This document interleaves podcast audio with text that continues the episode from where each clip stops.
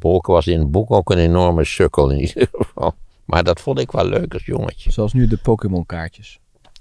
Daar sta ik gelukkig helemaal buiten. Maar mijn jongste kleinzoon is erg van de Pokémon kaartjes. Nou, misschien, eh, Met Charizard.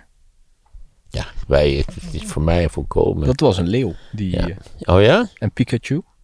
Dat zegt me totaal niets. No, ik dacht dat Pokémon-liefhebbers dan zenuwachtig door een stad renden. Het verlossen, kunt u mij horen? Ik ging, ging nog wel eens naar het Rijksmuseum in Amsterdam. Ja, ik hoor, nou geloof je niet dat het waar is, maar ik was altijd nogal gesteld op 19e eeuwse kunst. En, en in die afdeling 19e eeuw, die moest je ook, die moest je ook, die moest je ook de weg weten. Daar was nooit iemand. Sterker nog, ik heb daar een slapende Japaner aangetroffen. Die lag te pitten op die bank. En ik heb al die schilderijen bekeken, al die koekoeken en schelfhouts en zo. En die man die pitte gewoon door. Ik dacht, wat zou ik hem wakker maken of zo? Dat hij, misschien dat hij niet onwel is geworden. Dat zou natuurlijk kunnen. Maar nee, hij bleef gewoon doorpitten. Dus na twintig minuten of een half uur verdween ik weer. En hij lag nog steeds te pitten. Vond het indrukwekkend. Het is de enige slaper die ik ooit in het museum heb gezien. Nou moet ik zeggen, nu ik dit allemaal vertel, en je weet, het is met dat afdwalen. Ja, dus de, de lui die niks hebben met afdwalen, die kunnen nu even naar de wc. Ja, die zijn al afgehaakt, denk Oh, ik. die zijn al afgehaakt. Oké, maar we komen zo terug op die boeken. Vooral op de Robinsonade, heel interessant thema. Het verblijf op een onbewoond eiland. Eh, ja, ik zat dus nog eens in de trein van, van Amsterdam naar, eh, naar Utrecht. De, doodnormale intercity-trein. Eerste klas? ja, ik, rijd, ik heb altijd eerste klas gereisd. Ik vond het minimum, zoveel duurder was het niet. En je zat toch niet tussen het plebs, zal ik nou maar even zeggen. Ja, weet je waarom ik daarmee begonnen was? Omdat ik natuurlijk in Wageningen woonde. Dan ging ik met de trein naar Utrecht. Maar in Ede, want het is E station Ede-Wageningen. Ja. Wageningen heeft zelf geen station. Eh, Ede had, wat, had een hele reeks van reusachtige kazernes. Dus die treinen zaten altijd vol in het weekend, als ik dus weer terugging. Met soldaten of heen Oh of terug. En die zaten tweede klas. Ja, dat was geen lolletje, die soldaten. Dat, dat, ik vond dat vervelend, agressief volk, eerlijk gezegd. Dus ik ging altijd eh, eerste klas. Ik reisde altijd eerste klas. Waardoor ik, al, heel, ik heb heel regelmatig in de trein gezeten met Marga Klompé. Die woonde volgens mij in, in Nijmegen en die was dan op weg naar Den Haag. Ja. En ik wist wel wie Marga Klompé was. Niet dat ik zei van, god, mevrouw Klompé, nu ik u toch zie, mag ik nog eens zeggen wat een, nou ja, nee, absoluut niet. En ik kan je getuigen, zij werkte altijd vanaf het moment dat ik instapte tot zij ging door naar Den Haag. Zat Marga Klompé in, in allerlei belangrijke documenten te kijken. Ik dacht, kijk, dat is iemand die... Ik heb dat ook vaak gezien, ja. De, de bewindsvoerders reizen dan heel vaak eerste klas en dan eh, kunnen ze doorwerken. Ja, nou, tegenwoordig zit ze in een grote zwarte auto natuurlijk. Maar toen reden ze dus kennelijk gewoon met de trein. ja. ja. Zeker. Maar ja, vandaar dat ik vanwege die soldaten was ik aan de Ja. eerste klas. Maar goed, ik zat in de eerste klas. Bij het door, doorlopen van de trein had, viel het me wel op dat er iemand, een, een, een, een man, die zat te slapen op dat tafeltje. Hè, op dat, want tussen die twee banken heb je een tafeltje. En hij hing zo op dat tafeltje. Ik denk, dat is toch ook een kunst dat je in slaap raakt op dat tafeltje. Want dat kan niet comfortabel zijn. En op een goed moment werd er omgeroepen. Vanwege een calamiteit zal deze trein op, in Apkoude op een zijspoor worden gezet. En nou zo, ja, je denkt, of zou dat een godsnaam zijn? Hij werd op een zijspoor gezet. Wat bleek de calamiteit te zijn? Er verscheen een ambulance op de, naast de trein. Die man die bleek dood te zijn. Oh, dat meen je niet. Ja, hij was dood in een pier. Oh, wat Ja, heftig. waarschijnlijk een drugsverslaafde die, Ja. die zijn laatste shot gehad had of zo. Ja, met het, eh, hoe kwam ik hier op? Overwege het slapen in de trein? Nee. Nee, je zei dat je tussen Amsterdam en Utrecht, dat kwam Oh. ineens op. Ja, Je zei, dat- je zei wel daarvoor, we gaan nog naar de boeken toe. Maar ik wil nog één ding vertellen over de treinreis tussen Amsterdam. Ja, ja, je beleeft niet zo heel veel avonturen in de trein, maar dit avontuur dus, heb ik wel beleefd in de trein. Ja. We gaan terug naar de boeken. Ja. Eh, want ik was gebleven. Monus de Man van de Maan hebben we gehad. Hebben we gehad. Ja, We hebben de Bob Evers serie hebben, we ook gehad. Ja. En dan kom, ja, zo ben ik op die opa's en oma's gekomen. Nou, weet ik weer hoe het verhaal loopt. Dat, eh, ja, die hadden een soort vliering op in hun huis in Delft. Een groot ouderwets huis was het. Zoiets als waar ik nu zelf in woon, maar dan het, het oogde allemaal een stuk ouderwetser. En, en op, op die vliering stond kinderspeelgoed van mijn vader en zijn broers uit de jaren 20 en 30. En ook wat ze gelezen hadden. En daar ontdekte ik die blauwe deeltjes van Jules Verne. Er stonden er wel tien, denk ik. Een lekker rijtje. En, en nou ja, ik ben, dat, ik ben dat gaan lezen. Het was natuurlijk een beetje ouderwets taalgebruik, dat wel. Ik vond het nou niet zo'n probleem. En, en met name twee van die, van die avonturen van Jules Verne, die zijn mij eeuwig bijgebleven. Namelijk, eh, dat was het geheimzinnige eiland. Nee, deel, dat zijn twee delen. Het ene heet de luchtschipbreukelingen en het tweede heet het geheimzinnige eiland. En dat gaat over een aantal Amerikanen die eh, zijn gevangen genomen tijdens de burgeroorlog. Zij horen natuurlijk tot de goede kant, de noordelijke. Eh, en in Richmond eh, gevangen gehouden door de zuidelijken. En dan zien zij een mogelijkheid om te ontsnappen met een luchtballon. Die ligt daar klaar om, om de lucht in te gaan, weet ik waarvoor, dat kan ik niet vergeten. En dan, zij gaan in die luchtballon en ze snijden de touwen door en denken dat ze dan in, in no time in het noorden terecht zullen komen. Maar nee, er steekt een gruwelijke orkaan op en dagen en dagen en dagen jagen zij door de lucht en tenslotte niet waar dreigen ze in zee te vallen, maar net gelukkig op de rand van de zee in het land vaststorten ze neer. En dat blijkt een onbewoond eiland te zijn. En het, het geniale, ze beleven daar tal van avonturen met levensgevaarlijke zeerovers en van alles en nog wat. Maar de essentie van dat boek is dat deze groep van personen, het is gelukkig, de, de, de, de leider is een ingenieur, dus die weet van wanten, die weet hoe de natuur in elkaar Zij bouwen eigenlijk een complete nieuwe beschaving op. Dus ze, ze, hoe heet het, ze, maken een rotswoning omdat ze dynamiet hebben gemaakt. Eh, ze maken een, een, een, telegraafverbinding met, met, met een soort boerderijtje wat ze gebouwd hebben. Ze bouwen een schip want er is ook een scheepstimmerman bij. En nou ja, ze creëren een wondere wereld. Bovendien worden zij eh, tijdens dat verblijf op dat eiland, stel steeds als ze iets echt nodig hebben, maar het niet hebben. Bijvoorbeeld de jongste lid van het gezelschap, die krijgt een vreselijke ziekte. En het is duidelijk dat, dat eh, zonder, ik geloof, kinine, eh, zal die het niet overleven. En waar je en de volgende ochtend zit, staat er een buisje kinine naast zijn bed. Ja, wie? Het is een geheimzinnige auto. Iemand doet dat, niemand weet wie.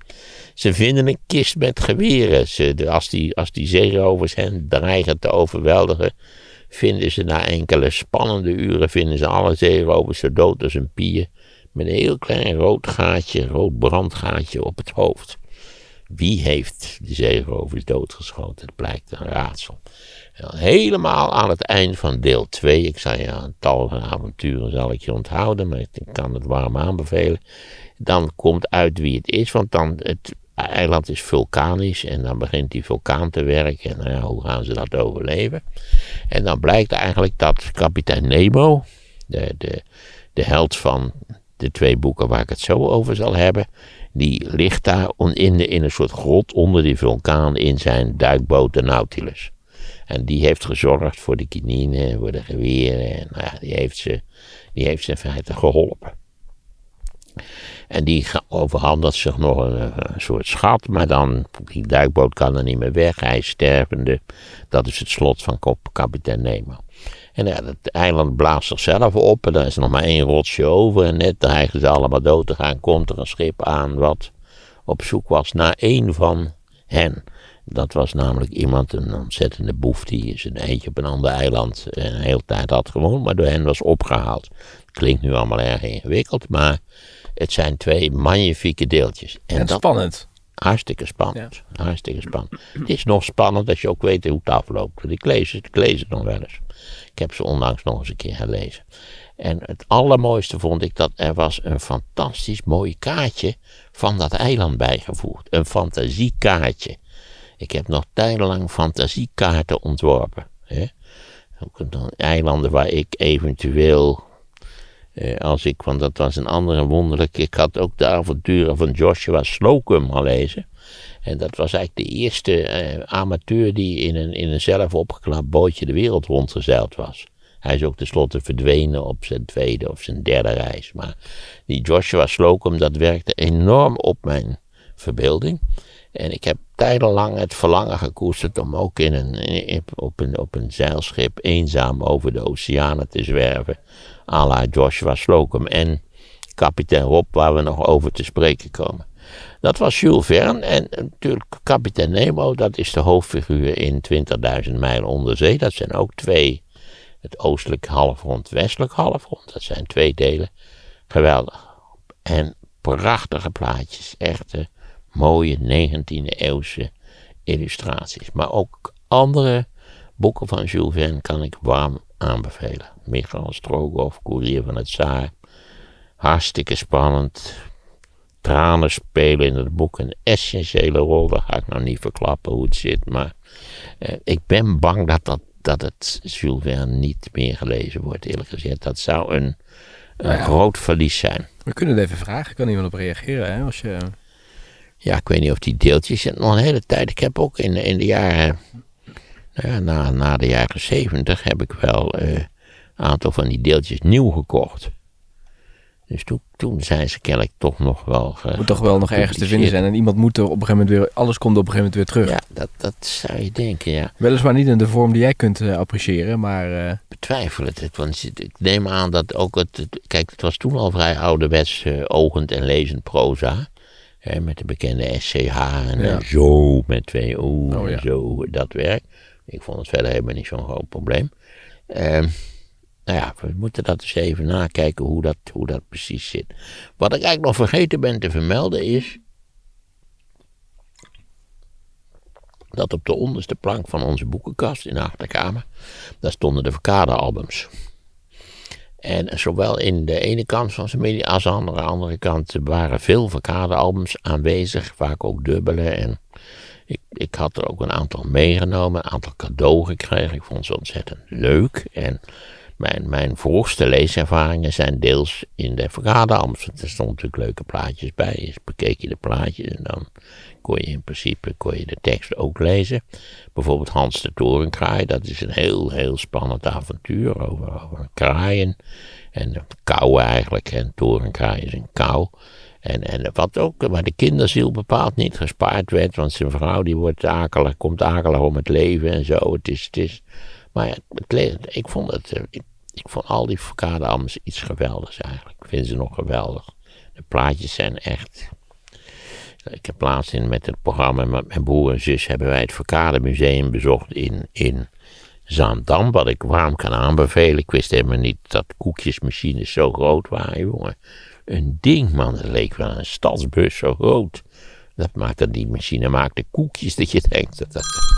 Hemel, gaat dat die telefoon weer telefoon, toch ja. weer vergeten. ja, Hoe is het mogelijk? ik, zou, ik, had, ik, had, ik zou- had beloofd om even vooraf te zeggen van... eh, dat je hem uit moest zetten inderdaad. Of op stil of zo. Stom toch? Ik zal het de volgende keer weer even proberen aan te denken. Nou ja. Maar ja, het is wel zo dat als... Stel dat er nou een calamiteit is, moet je wel bereikbaar zijn. Dat wel, dit is geen calamiteit. denk ik. Oké. Eh, waar waren we gebleven? Ja, Bij de Jules- koekjesmachine. De koekjesmachine, ja. Dus bezoek het Verkade Museum en ik, ik was daar speciaal heen gegaan. Avocado is toch ook van de chocolade? Van alles, allerlei koekjes. Ik weet niet, het bedrijf is niet meer van de oorspronkelijke bezitters.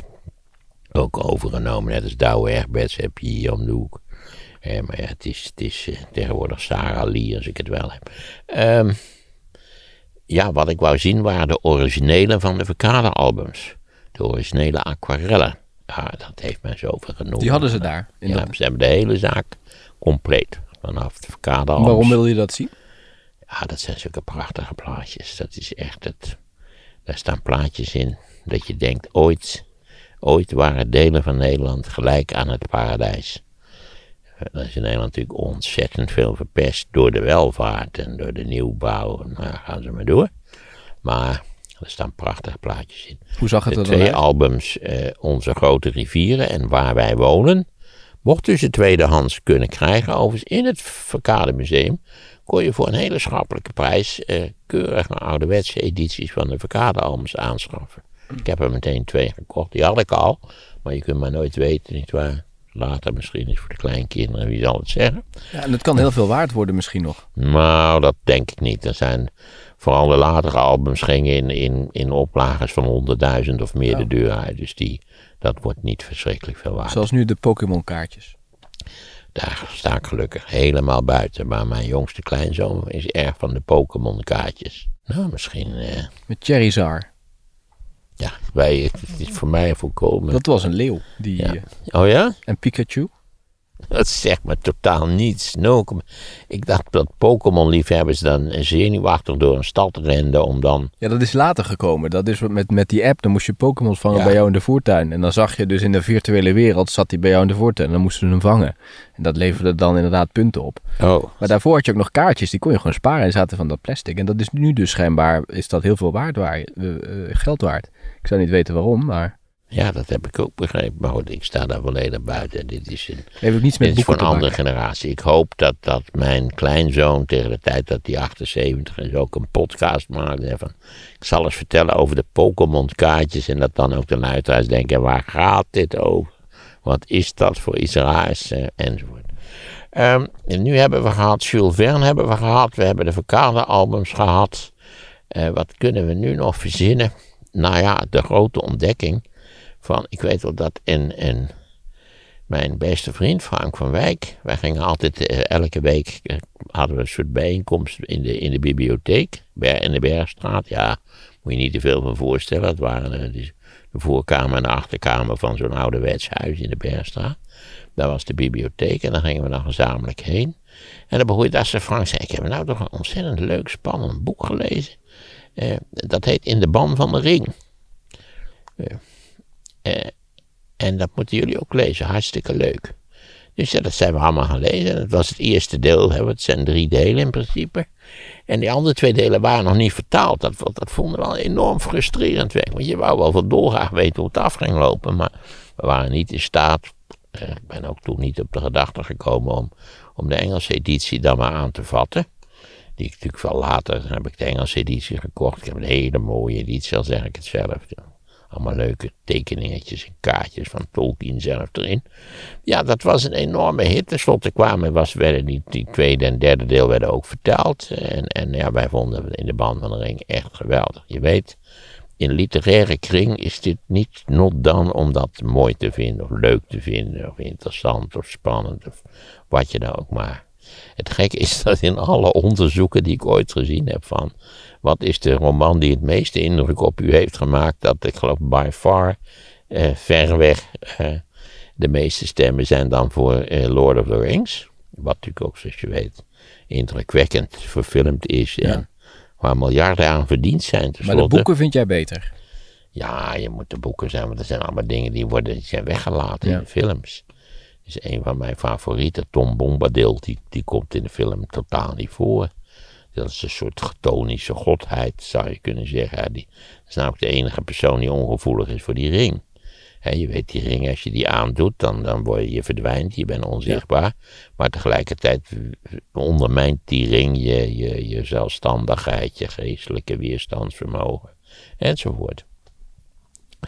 Eh, ja, wij vonden het geweldig. Ik vind het nog steeds geweldig. Ik vind ook, ook ja, dat ik altijd een beetje kinderachtig dat het dan niet in overeenstemming is met wat, zeg maar, de literaire wereld vindt dat een boek moet zijn.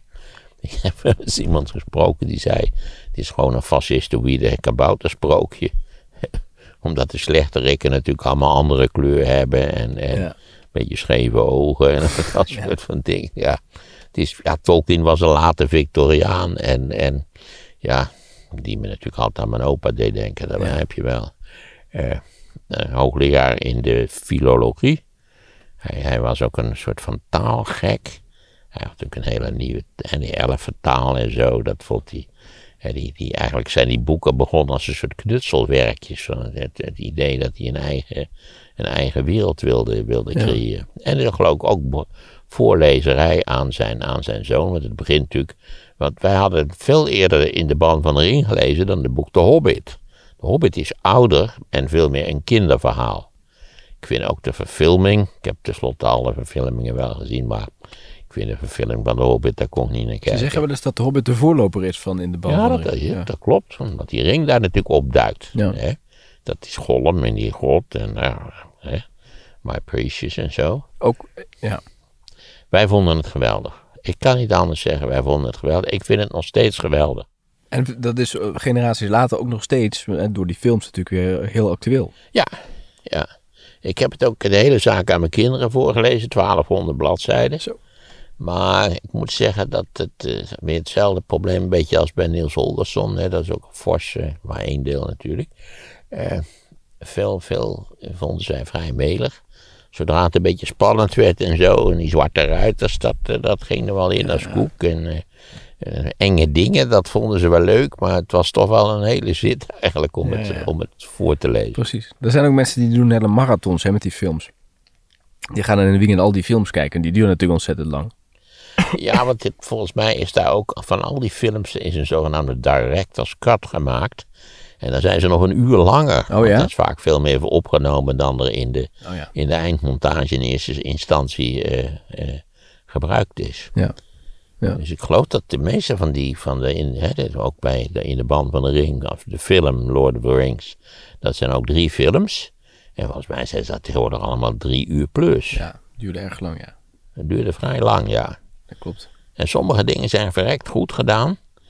Hè, bijvoorbeeld die Orks en Moria en zo. Het kwaad is fantastisch goed. En het, het, eh, de, de goede en de aardige mensen zijn allemaal een beetje, een beetje, beetje suffe bolken de beertypes eigenlijk. Ja, dat is heel lastig. Het is lastig om het goede interessant te houden. Ja. Bijvoorbeeld die Lady Galadriel van die, van die elfen die daar in dat verwelkende bos wonen. Dat, dat, ja, daar heb je een bepaalde voorstelling van als lezer. En dat blijkt dan een of andere, een of andere Engels filmsterretje te zijn. Ja, waar, je, waar je denkt van, nou, ik ben een leuk meisje, maar totaal niet wat, wat, wat gesuggereerd wordt in het verhaal. Namelijk iemand met macht. En iemand die zelfs gevaarlijk zou kunnen zijn. Ja, als er een Engelse filmster in een witte jurk staat, dan wil dat niet zo, wil dat niet zo doorkomen dat is natuurlijk ook, dat hangt ook samen met filmconventies, dat je, dat alle vrouwen toch een soort van knapheid moeten hebben. Dat is de ijzersterk in de Scandinavische films, dat die vrouwen zien er doodnormaal uit, zijn doodnormale vrouwen. Hun haar is ook niet elke 2,5 uur gewassen voor de film. Eh, ja, dat, dat, dat, daar zullen Amerikanen nooit iets van begrijpen. In die zin zijn, deugt, deugt, dat, eh, deugt daar van alles niet aan. Eh, hoe was ik. ja, nu zijn we, zijn we wel een heel eind gevorderd. Ik denk dat ik veel meer literaire dingen ben gaan lezen. Nou, dat zal zo 59, 60 zijn geweest ongeveer. Eh, ja, wat las ik? Moeders wel. Dat was toen natuurlijk heel modieus om dat te lezen. Hè? Dat verhaal over Suzanne Maduro en, en natuurlijk het stenen bruidsbed. Vooral natuurlijk omdat er in gevreden werd. Dat vond ik ook al vrij interessant allemaal. Dat gaat over het bombardement op Dresden. Eh, pas veel later heb ik Slaughterhouse 5 gelezen, wat ja, wel beter is. Maar Moeders is bepaald niet slecht. Ik vond natuurlijk in de tijd, eh, de zaak 4061 gaat over het Eichmann-proces. Dus dat is alweer begin jaren 60. Een voortreffelijk boek, misschien wel het beste wat hij geschreven heeft. En wat las ik nog meer? Kees Notenboom. Cees Notenboom moet je geloof ik zeggen. Philip en de anderen. Dat waren van die lui die naar Frankrijk gingen liften. Dat vond ik ook wel spannend. Dat ik ook daar. Maar ik heb dat niet in me. Hè. Ik, ik dacht, ik ga ook liften. Maar ik weet zeker, ik ga een kwartiertje langs de weg staan. Ze stoppen niet voor mij. Dan word ik zo ongelooflijk pissig dat ik meteen naar huis ga. En dat is niks voor mij. Waardeloos werkelijk. Eh, wat, ik zit nog even, nou ja, met zo zo'n beetje wat, wat in die tijd eh, in, in de mode was. Hugo Claus, eh eh Moelisch, eh, Notenboom, Vestdijk. Ik was een al een vrij enthousiaste Vestdijk-lezer. Eh, ik heb laatst nog met mijn leesgezelschap hebben erin gelezen. Terwijl ik het wel, ja, het qua sfeer en zo wel, wel een aantrekkelijk boek vond, was het toch ja, het is altijd heel gevarieerd wat men ervan vindt. Maar het, was, er was niet, niet sprake van een, van een groot enthousiasme. Het schijnt dat Vestdijk echt totaal niet meer gelezen wordt. Dat gewoon, ik meen zelfs dat de publicatie van zijn verzameld werk is stopgezet. Maar dat weet ik niet helemaal zeker. Mocht dat niet zo zijn, meld u dan even dat het niet zo is. En dat het voor een habbekrats nog compleet te krijgen is. En niet bellen, mailen alsjeblieft. Mailen, alstublieft niet bellen, maar mailen. Zeker over het verzameld werk van Vestdijk. Hij die sneller schrijft dan God kan lezen. Zoals dat, eh, zoals dat heet. Ja, die hij had ook historische eh, romans. Vuuraanbidders. eh, Ierse nachten. Dat vond ik wel een geweldige boek hoor. En Ivoren Wachters. Het ging over een jongen die verliefd werd op zijn Franse lerares, geloof ik. Vonden we ook erg interessant allemaal. Ja, dan moeten we even terugschakelen. Want tegelijkertijd dat ik al deze dingen las en, en nog wel meer, want ik ben ook van alles en nog wat vergeten natuurlijk. Dat heeft ook niet zoveel indruk gemaakt. Ik heb eigenlijk eh, zo'n beetje alles wat ik nu verteld heb, met uitzondering van Monus de Man van de Maan, Bolken de Beer. En die Bob Evers boeken heb ik op een keurig plankje bij elkaar staan.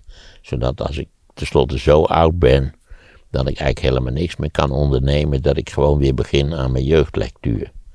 En misschien dat het ook mogelijk is dat dan de, de nachtzuster nog, nog voor, mij, voor mij kinderliteratuur voorleest met de stem van mijn moeder. Hè, dat, zou, dat zou nog wel het mooiste zijn. Bij deze het verzoek. Ja. Ik, ja, ik ben ook nog eens begonnen aan een collectie klassieke films op DVD. Want toen dacht ik nog, dan kun je aan zien hoe snel je door de tijd wordt ingehaald. Ik dacht, nou ja, dan nou, tegen de tijd dat ik ook eigenlijk niet meer zo... hoorde vaak van heel oude, heel oude kennissen dat ze toch moeite hadden met zich te concentreren op langere teksten. Dacht ik, oké, dat gaat mij natuurlijk tenslotte ook overkomen. En dan koop ik zo'n zo'n licht rondlopend tv-scherm. Dat heeft altijd enorm op mijn verbeelding gewerkt. Ik heb die zo'n ding, maar dat kan ik altijd nog aanschaffen. En dan ga ik al die films draaien. Ik heb de streamingsdiensten totaal niet aanzien komen. Ik begrijp nog steeds niet precies hoe dat technisch in elkaar zit. En nu kun je alles streamen. Waarbij ik natuurlijk toch onveranderlijk, noodlottig terug moet komen op mijn bezwaar tegen Netflix. Beste Netflix, zorg nou eens dat je een flink aanbod klassieke films hebt. In plaats van al die rommel die erop staat. Maar de- je bent plat gemaild met allemaal mensen die zeiden van ja, Ja, maar hier, dat heb ik geprobeerd. En dan werd er gezegd, dat is in uw regio, mag je dat niet bekijken. Nee, maar het zijn allemaal, his- his- ik weet niet hoe het allemaal heet, maar historische plekken waar je overal terecht kunt. Voor, voor allemaal historische films. Er zijn allemaal mailtjes over gestuurd. Ja, ik wil gewoon Fellini zien. En, en, en nou ja, wat, wat, eh, Ja, ja dat heb wat je in de jaren zestig... eh, in, Nou, Patton heb je al op DVD, alleen die loopt vast. Dus eh, ja, Petter liep halverwege vast. Dat is niet zo erg hoor. Dan heb je het leukste wel achter de rug eigenlijk. oké, oké, oké, oké. Goed. Maar je wilde nog iets zeggen, ik misschien over de strips? Of, eh, De strips, ja. Ik wou nog even naar de strips. Is er nog tijd voor de strips? Dan Ja, doen we eh, de strips de volgende en dan keer. kunnen we ook meteen hebben we de volgende keer een gevarieerd programma. Want ik vond toch wel zielig eigenlijk dat ik de Fiat 500, de klassieke Fiat Ja. 500, niet gedaan heb. ja, dat klopt. Dat, Eerst dus de Topolino en dan de Fiat 500. Vooral omdat ik- dat ik ook iets wil zeggen over mijn grote liefde, de Fiat Multipla. Ja, de vier, dat, precies. Even kijken, ik kan nog eventjes één vraag doen van iemand die wat heeft ingesproken. Dit is ook een, oh, dit is een 082 nummer. Dat is ook grappig. Waar zou dat zijn? Ik 082, heb geen flauw idee. zou dat Amerika zijn? Nou, even kijken. Dit is JZ. Nou, even, even luisteren. Hallo, met Jacco Zwetsloot. Ik woon in Seoul, Zuid-Korea. En ik zou graag een podcast willen horen over de automobiel, de Citroën DS. Oh ja. En ook een aflevering graag over de Korea-oorlog en de moderne geschiedenis van Zuid- en Ja, dat is een leuk Noord-Korea. idee. Dat is een Dankjewel. leuk idee. De DS hebben we gedaan, hè? Ja? Dat heeft deze meneer, meneer misschien nog niet gehoord, maar de DS hebben we toch eh, behandeld, of niet? De Citroën DS. Nee, de eend hebben we gedaan, toch? Nou, dat moeten we even opzoeken nog. Oké. En Dat dat, de DS ook best doen. Dat is een heel leuk boekje van een Nederlandse autojournalist over de ontwerper van al die gekke Citroëns. Dus de Traction Avant, de DS en de Eend en de meneer Lefebvre. Heel leuk boek. Oké, en dan even kijken wie dit is. Goedemiddag, je spreekt met Boukje Uitendaal. Ik ben de tweede aflevering van China aan het luisteren. En daarbij is er een dwaalspoortje over de korting die Maarten van Rossum krijgt bij zijn kapper. Ja, En dat hij daar falikant op tegen is. ja. Toen vroeg ik me af, waarom is Maarten van Rossum daar falikant op tegen? Bij de kapper kan ik me dat voorstellen, want het is natuurlijk onzin. Haar is haar, maakt niet uit welke leeftijd je hebt. Maar net zoals in het OV is het wel heel handig dat je die ouderen juist ehm, de bus en de trein in weet te trekken met kortingen. En overigens, ik ben dol op de dwaalspoortjes. Dus die mag je met verven uitvoeren. Ja, en, en net zoveel mensen hebben, moeten er niks van hebben dan die er wel iets van moeten Nee, dat zul je hebben. altijd zien. Boukje is dit. Eh, ja, en ook ten aanzien van het openbaar vervoer vind ik het onzin dat je als bejaarde korting krijgt. Ik heb altijd geweigerd om een bejaardenkaart te kopen. Dus ik heb altijd gewoon, ook terwijl ik al, nou, ik ben al, hoe lang ben ik al niet bejaard? Al 13 jaar. Wanneer ben jij eigenlijk bejaard? Is dat een leeftijd waarop je bejaard Ja, bent? vroeger 65. Ik neem aan dat het nu Dus je, opgeschoven is naar, naar het moment waarop de AOW begint. dan ben je bejaard. Ja, dat is 67 plus. Terwijl die mensen vaak zie je dan mensen van die leeftijd. denk je, ja, het zijn toch nog geen bejaarden? Ja, kijk, je begrijpt zelf dat dat een, een vrij arbitraire grens is. Ja. Je hebt mensen die op hun 65ste moeiteloos de marathon lopen. En je hebt mensen die op hun 65ste die nauwelijks in staat zijn om zoals, eh, zonder gevaar uit hun bed te komen. Dus dat, dat, dat varieert enorm. Maar ik vond het. Het gaat ervan uit dat, dat, dat natuurlijk, het is vanuit de klassieke situatie dat de bejaarden in feite er arme tieren gaan toe zijn. Dat die, dat die Dat geldt ook voor studenten. Ja, die krijgen vol, nou ja, die hebben dus ook een kortingskaart, toch? Ja. Zolang ze studeren hebben ze een kortingskaart. Ook Nee, bij de kapper trouwens. Ik vond het simpelweg niet noodzakelijk dat bejaarden in Nederland een korting, eh, een korting krijgen. Ik vond, ik, het- dit is positieve discriminatie en ik ben tegen discriminatie, positief of negatief. Oké. Goed. Wie is dit? Hallo Maarten en Tom, dit is Alexander Verdegaal. Dank jullie wel voor jullie podcast. Ik geniet altijd erg van eh, Maartens inspirerende onafhankelijkheid. Een vraag over de China-aflevering.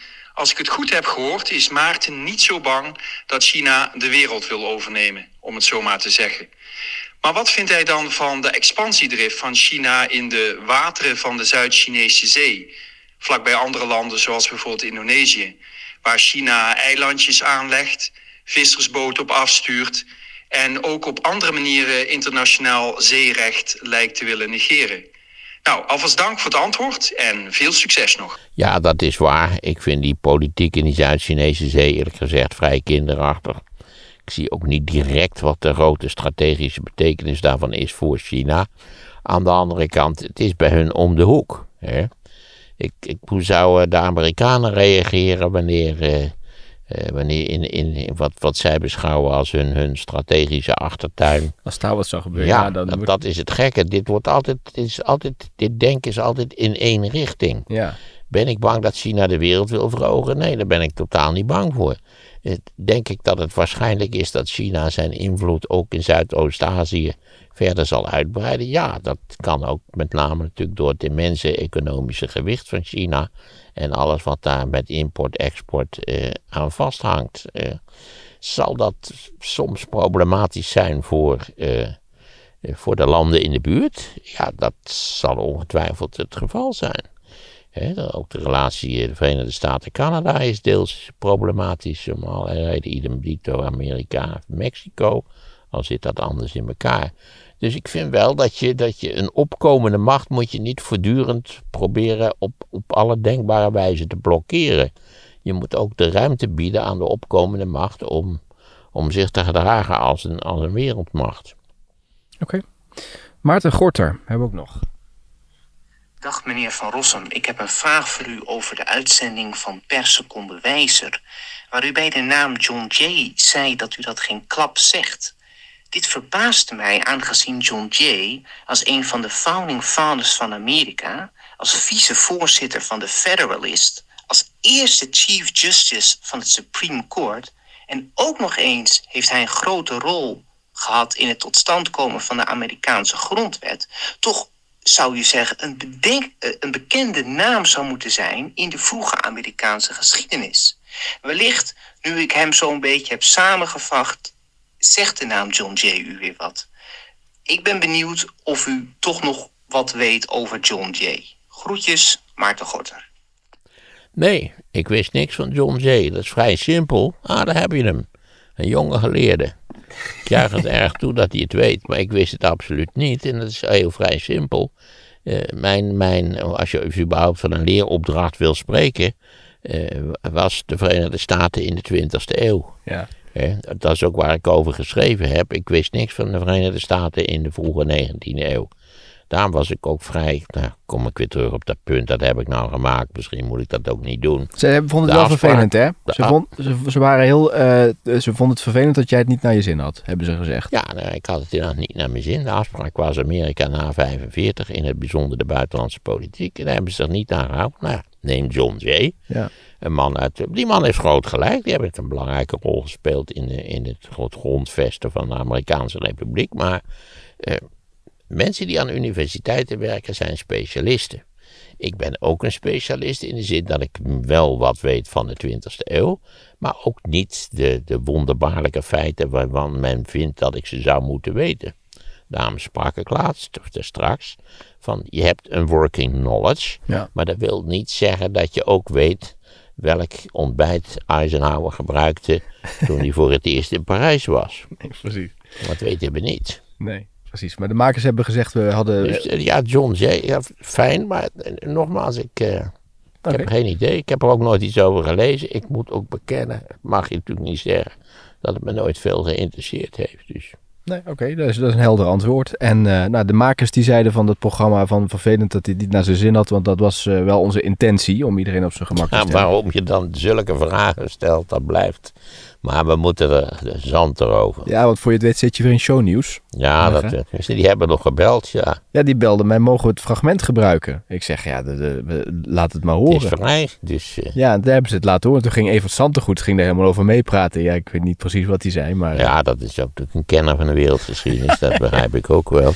Dat is een man die dat natuurlijk... eh, je begrijpt niet dat ze hem niet gevraagd hebben voor die duizendste uitzending. Nee, maar dat, dat schrijven ze nu op ergens. Dus, eh. Goed, ehm, volgende keer dus eh, die strips. En als, er nog dan, eh, als mensen nog wat hebben wat, eh, waarvan ze zeggen... Ja, dat ik- boek of dat, dat verhaal... Ja, misschien ook. Want kijk, dat is het aardige van dat lezen. Dat, dat lezen is generatiegebonden. Dus met iemand die ongeveer even oud is als ik, kun je heel makkelijk een conversatie opzetten over wat je las in je jeugd. Hè? Maar tien jaar later is het al heel anders.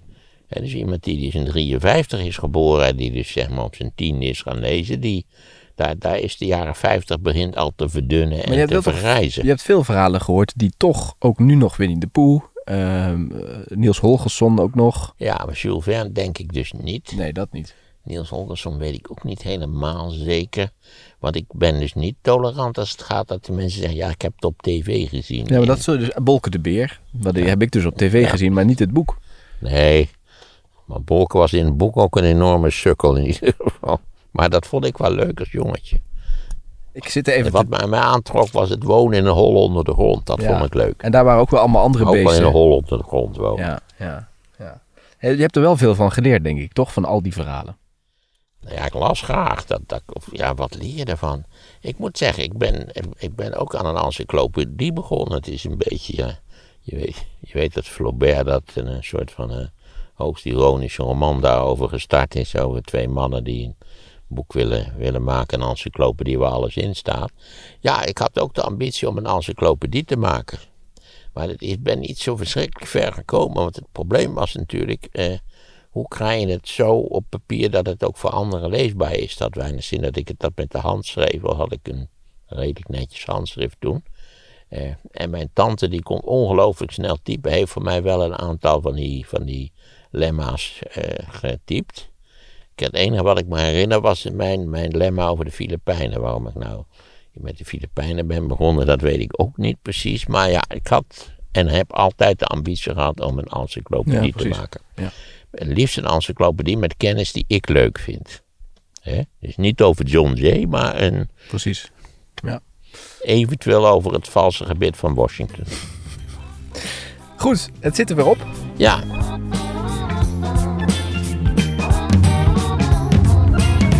Wat is dat voor iets raars?